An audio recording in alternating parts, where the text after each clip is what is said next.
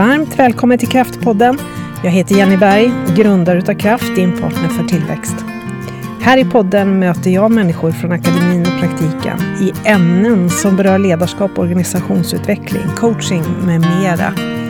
Vi hoppas att den här podden ska ge food for thought. Varmt välkommen till Kraftpodden och idag har jag en gäst med mig som heter Pia Rosin, kommunikationschef på Telenor Sverige. Och det känns extra roligt för jag har ju tillsammans med min kollega jobbat med Telenor i Norge och globalt. Eh, så det känns lite kul. Vi kommer att prata om en del saker som kännetecknar Telenor lite senare i samtalet. Men först vill jag berätta att eh, jag pratade med någon kollega till dig över mail om att du skulle vara med. Eh, rättare sagt, de tipsade mig om dig eh, lite grann och inleder med att säga det här är en grymt skön person, mycket energi, smart och snabb i tanken som tusan. Så Pia, vem är du? Precis, just nu lite generad. Men det var snällt. Det var mm. jättesnällt. Eh, jag är 47, eh, ekonom i botten, hamnade på kommunikationsspåret för 20 år sedan. Och, så det är det jag jobbar med. Och min mm. passion utanför jobbet är basket och bygga lag i basket. Det här med basket, då har jag ju förstått att det har ju faktiskt gått ganska bra det här med att bygga bra team. Och det säger också din medarbetare att det absolut är din styrka det här just med teambyggandet. Det är till och med så att du har varit med och vunnit ett brons i VM, ungdoms-VM. Ja, det hade varit kul, men det var, det var EM.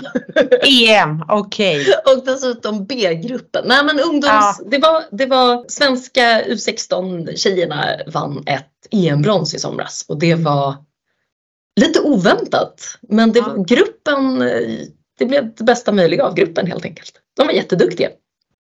EM är stort nog. Ja, det var jättestort för oss. Vilka länder är det som, jag kan ju inte särskilt mycket om basket faktiskt, det får jag erkänna här. Men vilka länder är det som är riktigt stora i Europa inom basketen? Frankrike, Spanien och eh, Serbien till exempel. De gamla Balkanländerna och Baltikum. Litauen är ett av Europas bästa lag. Aha. Men vi slog dem i somras och det var en skalp som hette duga. Men du, det här med, med basket, vi kommer säkert att komma in på det. Hur länge har du varit på Telenor som chef? I lite drygt tre år.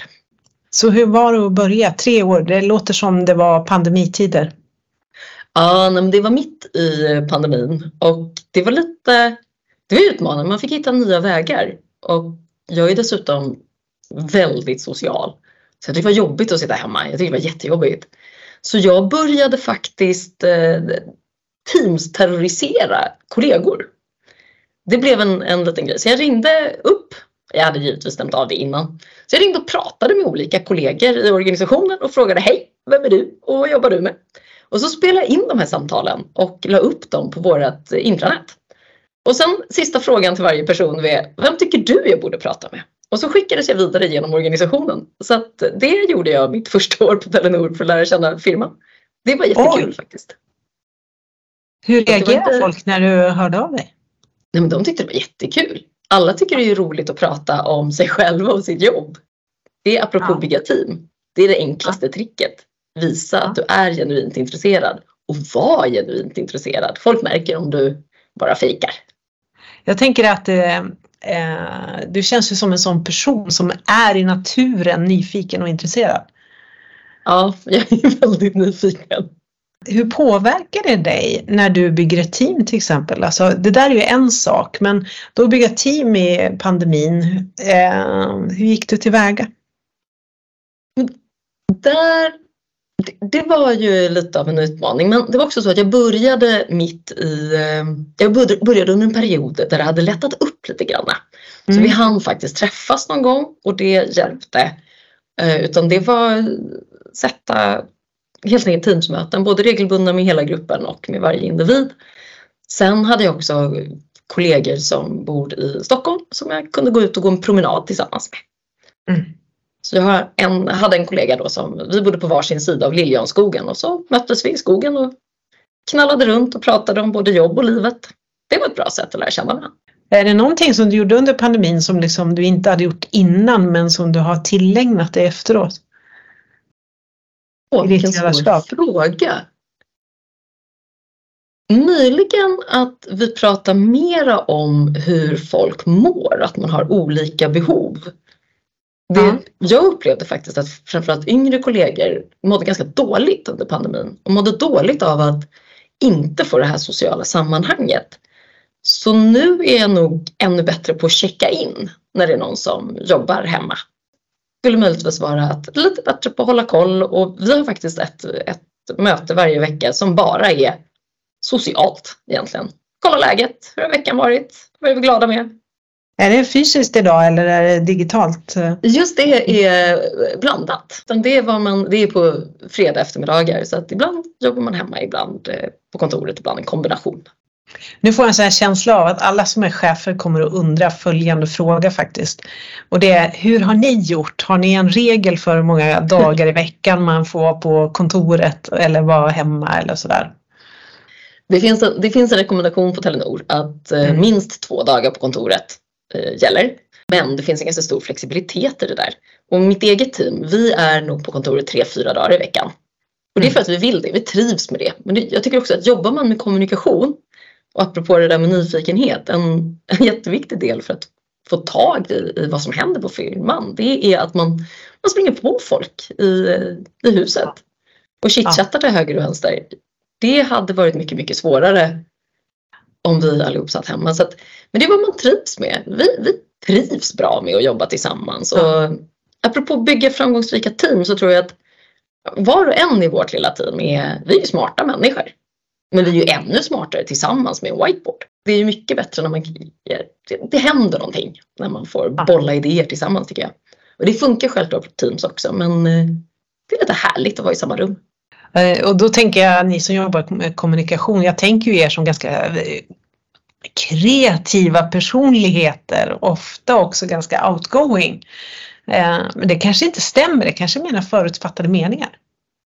Jag skulle säga, vårt Eh, vår grupp så är vi sex personer och det finns nog både extroverta och introverta i den gruppen. Sen är nog alla kreativa på sitt sätt.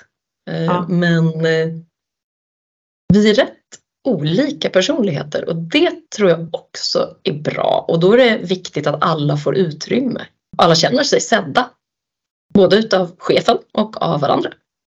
Jag vet att du var inne på någonting. Du bygger ju team, alltså dels i ditt jobb som chef Eh, Eh, och ledare på Telenor. Och sen så då i basketen. Och det är ju en liten snygg eh, matchning här mellan de där två rollerna tänker jag. Så vad har du lärt dig? Vad är viktigt om just att bygga team? Vad har du för saker som du tänker på? Jag tror att det jag fått med mig från eh, basketen har absolut varit min bästa ledarutbildning. Det handlar ju om att få en grupp människor som kommer från vitt skilda bakgrunder att samarbeta mot ett gemensamt mål. Och dessutom vara redo att bokstavligen slänga sig i parketten i full fart för att rädda en boll som någon annan har kastat bort. Då måste det finnas förtroende i teamet om man ska vara beredd att göra det för någon annan. Mm. Um, så det handlar ju att, att bygga team hamnar... Jag tror man ska vara lite metodisk om jag ska vara ärlig. Det är inte, du kan inte förvänta dig att det bara sker. Mm. För du måste liksom ha en plan. Och rent konkret, så både på jobbet och i basketen, så varje, låt oss kalla det termin, inleder vi med att prata om vilka vi är. Hur vill vi vara som grupp? Vad är viktigt för oss? Och då dels så gör vi en liten övning som helt enkelt att alla får besvara två frågor. Vad kan jag ge till gruppen och vad behöver jag från gruppen? Och det där måste man skriva ner och skälet att man skriver ner det är för att alla ska lyssna aktivt när man går liksom laget runt och berättar. Eh, I alla fall har man ju en tendens att sitta och fundera på vad, jag, vad ska jag nu säga för något klokt? Och det, då glömmer man liksom bort att lyssna. Och så går man laget runt eh, utan att döma eller kritisera eller kommentera utan bara tar emot det där. Och det ger ganska mycket ledtrådar till hur man ska agera gentemot de olika individerna i gruppen. Och sen pratar vi om vad är viktigt för oss? Vilken typ av grupp vill vi vara? På jobbet har vi såklart eh, värderingar att hålla oss till men i vår lilla, vårt lilla mikrokosmos så sätter vi upp våra egna liksom, house rules. Hur ska jag tänka? Och det där kan man sedan bygga. Eh, kanske ännu mer i basketen. vilka är vi? Och det finns rätt mycket forskning som visar att om man får till den här identiteten och kan hänvisa till att det är ingen annan som är som vi, vi är speciella, vad det nu må vara. Det stärker gruppen och det gör faktiskt att man krasst vinner fler matcher. Och det är det vi sysslar med, vi sysslar med att tävla. Och jag mm. tänker att det där kan man nog översätta även till en grupp på jobbet. Inom idrotten är det självklart att det är så, det är beforskat, men det borde nog funka inom näringslivet också. Att man kan bli bättre på att nå mål om man eh, gör det där till en självuppfyllande profetia. Ja, intressant, jag gillar det där tänker du. Jag är helt överens där faktiskt. Inte så konstigt kanske. Och, och jag tänker att det är resan när du ställer de där frågorna och mm. man tvingas dels att tänka, verbalisera, alltså uttrycka och lyssna på de andra. Den resan liksom att formulera det där tillsammans, det är nästan den som är viktigast. Ja, ska man komma tillbaka till det sen. Ja. Så det brukar vara en sån här grej att hålla i. Och sen, och det är också att man tillskriver gruppen positiva egenskaper. Vi är såna här, vilket ju är vad det nu är för någonting som är bra. Vi ger oss aldrig eller vi höjer blicken, vi är vad det nu må vara. Och det där funkar även gentemot individer. När jag var liten så det enklaste sättet, eller det fanns två sätt att få mig att göra saker. Det ena var så här, Pia du som är så duktig. Och jag bara ja, ja, ja. Och så gjorde jag vad som helst. Den andra var som mina bröder använde mer. Det var så här, jag tror inte att du kan. Och då blev det så här, jo! Envis ja. som fasken. Um, men det funkar ju även på vuxna. Du mm. som är en sån här person. Ett, ett konkret exempel. Vi i vårt lilla basketlag, vi spelar i Sveriges näst högsta serie. Och vi har haft en tjej med oss som tränar med oss ibland. Som är på mycket högre nivå. Och eh, jag tänkte att det här kan bli en utmaning. Hur ska hon greja det här med att vi inte, fel sätt är nybörjare, men med tjejer som är på olika nivå. Det här är liksom ett klubblag i en, en, på en mindre ort. Och då så tillskrev jag henne egenskapen. Nej, men det är viktigt att man istället för att sucka när någon gör fel, då försöker vi hjälpa varandra att bli bättre för då blir det roligare. Och så lade jag till, men jag tror att det är så du funkar. Och då svarade hon, ja, det är så jag funkar. Och då har jag någonstans, jag tillskrivit henne ett beteende och det kommer nog öka sannolikheten att hon beter sig så. Nu är det här en höjdare person så det gör hon, men det där kan också vara ett trick ja för att få till olika beteenden i gruppen. Det är inte så dumt. Du, lite manipulativt. Lite manipulativt men ibland så är ja, det där är nog ett ämne för en annan podd tror jag. Manipulation, var går gränsen liksom och vad är okej och vad är inte okej. Eh, men jag tänker att det vi är inne på också det är ju det vi pratar om lite innan här, empowerment. Och jag vet mm. att du har ganska mycket tankar kring empowerment. Kan inte du berätta? Hur, mm försöker du att ge andra försöker... kraft att våga? Ja precis, det där våga är väldigt viktigt för mig. Både i, på jobbet och i sporten. Att få folk att förstå hur bra de är. Och egentligen kanske till och med försöka få de här personerna som jag jobbar tillsammans med att först, alltså, nästan tro att de är ännu bättre än vad de är. För ja. då kommer de bli sitt bästa jag.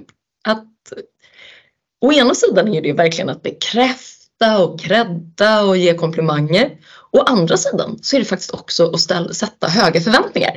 Jag vet att du är bra. Jag vet att du kan. Så visa det också.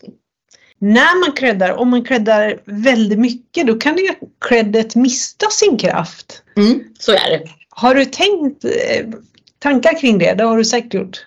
Ja, men jag tänker faktiskt ganska mycket på det.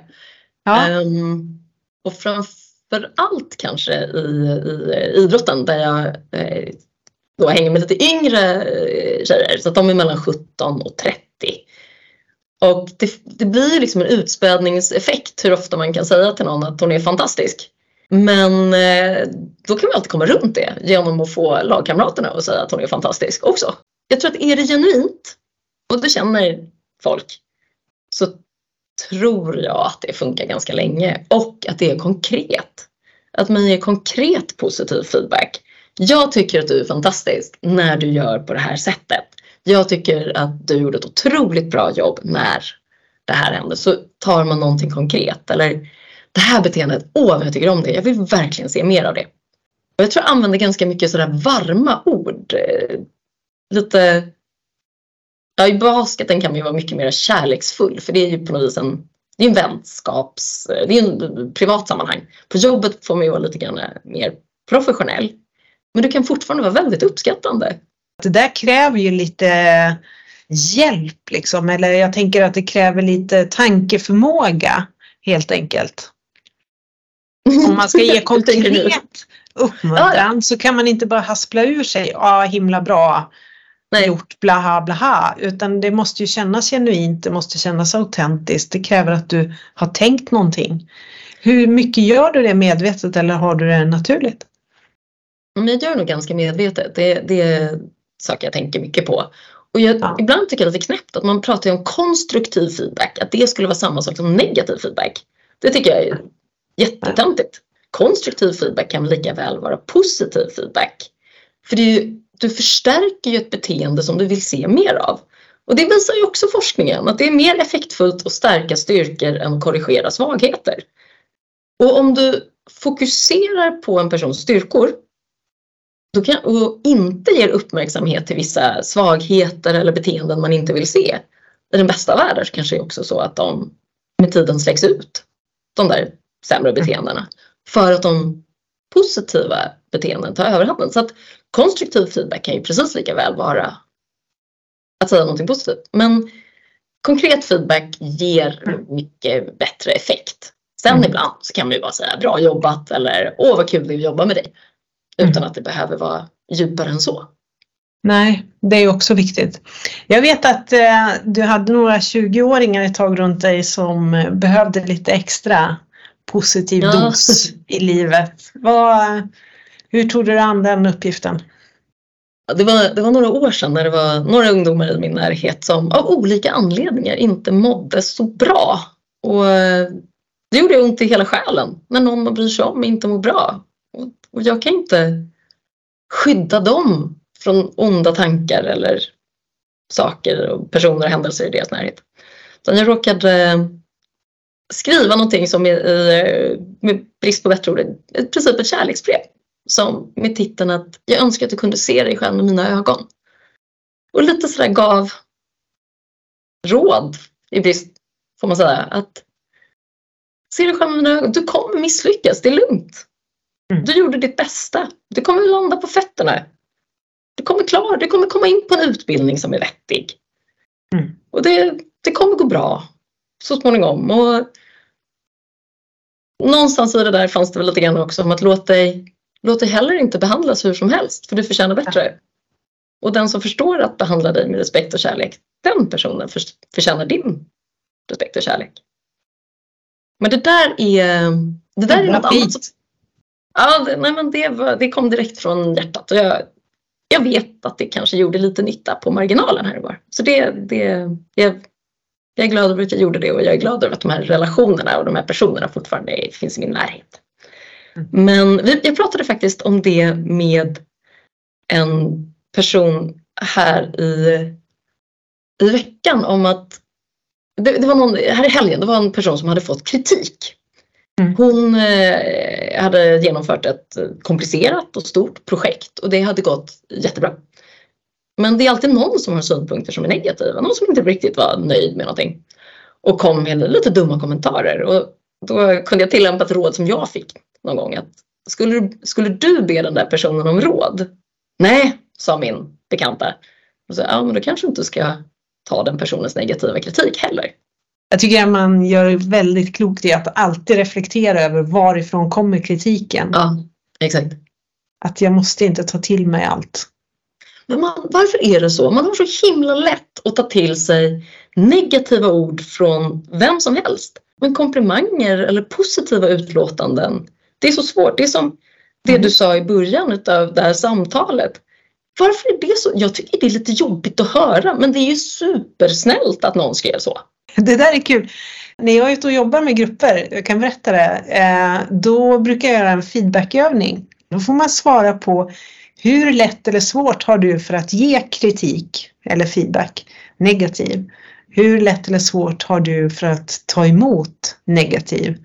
Och så får man ställa sig på en skala. Och sen hur lätt eller svårt har du för att ta emot mm, eh, positiv feedback? Och där, där är det ju ofta, det är ju den frågan som är intressant då, för då är det ofta 80 procent faktiskt som har svårt att ta emot positiv feedback. Jag undrar om det är jantelagen som spökar där eller om ja. det är vi har lite latent dålig självkänsla. Men det är på något vis som att det, det är fult att vara bra. Det är inte ja. minsta fult, det är toppen att vara bra. Din, Bejaka ja, din egen brahet. Jättebra. Ja, precis. Bejaka din egen brahet och stå i sina egna skor. det, ja, det blir väldigt mycket mer praktiskt än grannens. Ja, det är det.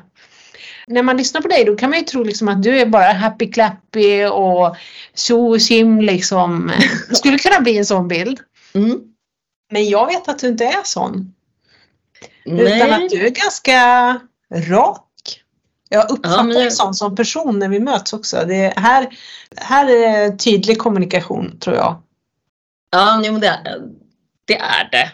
Och, det. och det måste jag tänka på ibland. Mm. Att, för all kommunikation handlar ju om mottagaren. Mm. Så jag behöver ju anpassa mig såklart. Det behöver vi alla om vi verkligen vill få fram vårt budskap. Men grund, min grundinställning är att jag är väldigt rak och jag ställer väldigt höga krav. Både på mig själv och på min omgivning eller de jag samarbetar med på mm. jobbet mm. eller i sporten.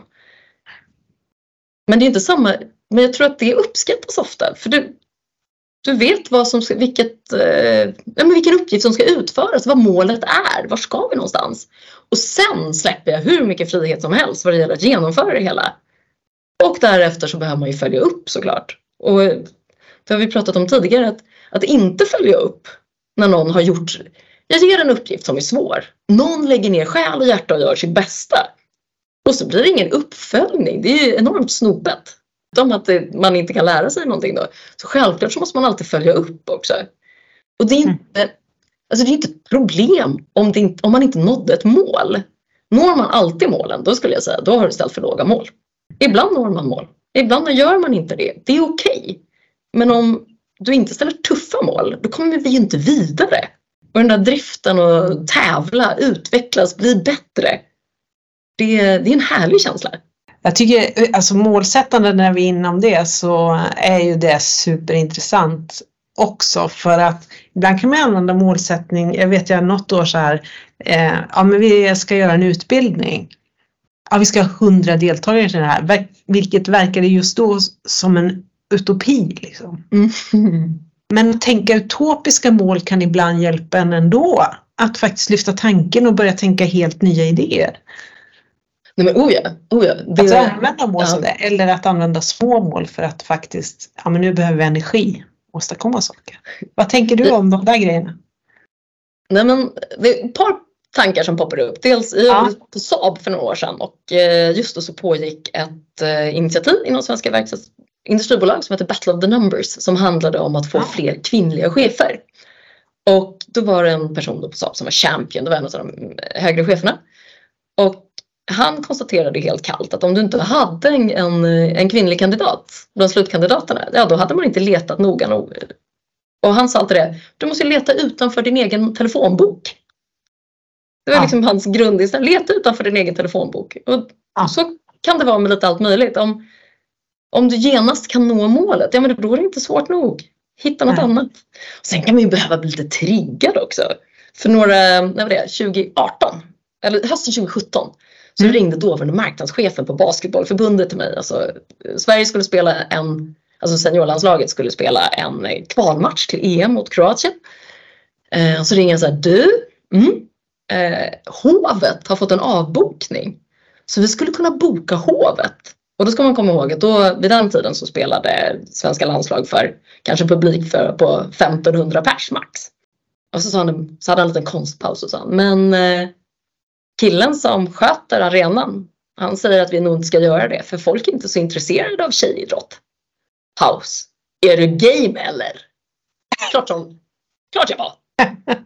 Oj, oj, oj. Triggad, triggad, triggad. Så att vi fyllde hovet. Ni gjorde det?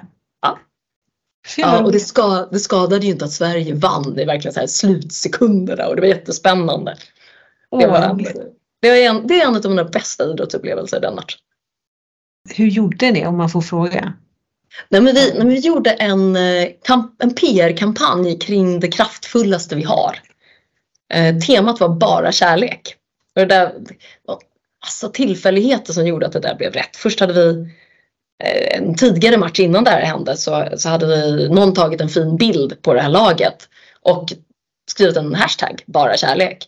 Och sen var en av lagets stjärnor, Amanda Saui, intervjuade SVT. Av en tillfällighet så råkade hon säga att det är bara kärlek. Och den här matchen spelades den 14 februari på alla hjärtans dag. Så då byggde vi upp allting kring det. Eh, att liksom kärlek för laget, kärlek för sporten. Eh, ta med dina gamla lagkamrater. Eh, så för, för då folk som hade kanske spelat förr.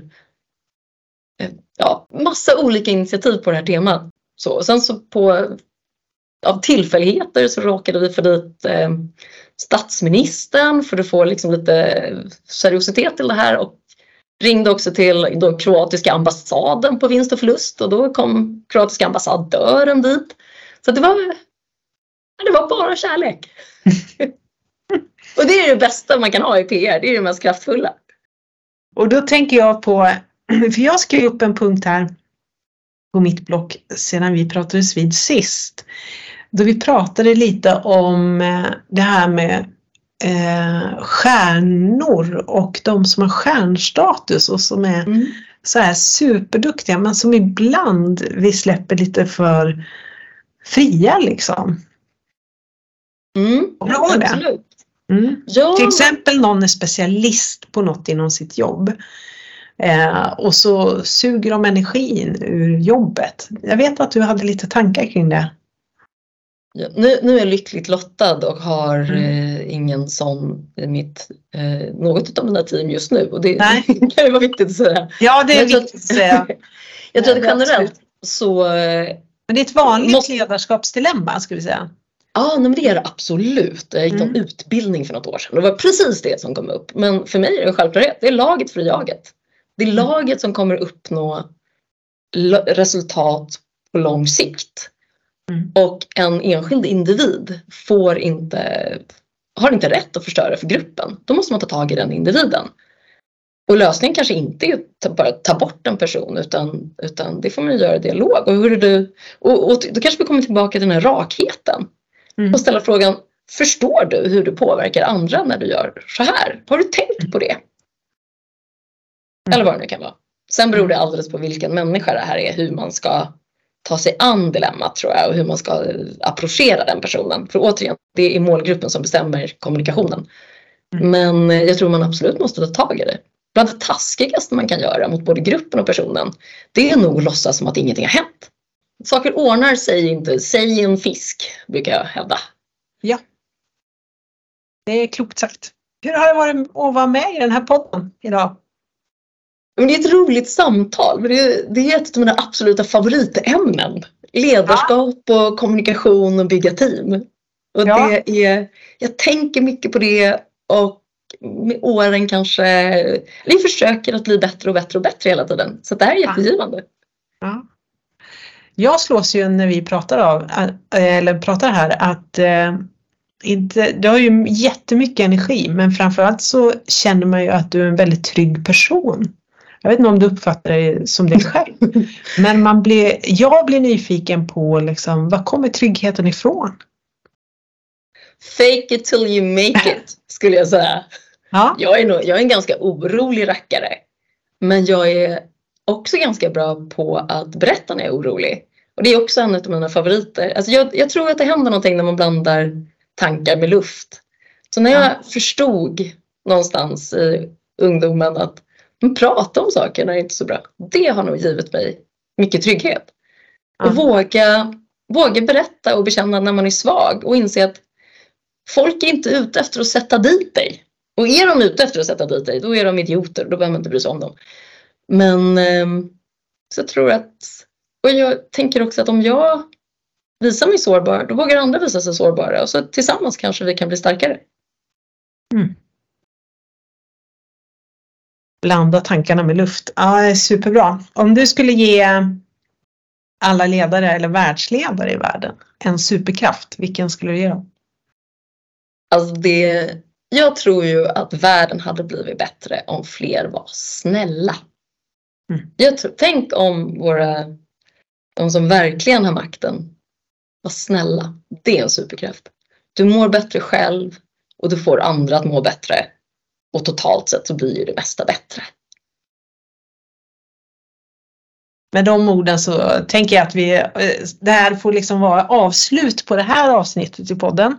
Och eh, jag är jätteglad att du kunde vara med. Eh, Tack för möjligheten. Och vem vet, det kanske blir någon mer gång. Det känns som att vi har mycket att prata om. Men jag önskar dig en fin fortsättning på den här dagen och alla ni som har lyssnat ha en fantastisk fortsättning på dagen. Den här podden görs av Kraft och tack att du har lyssnat.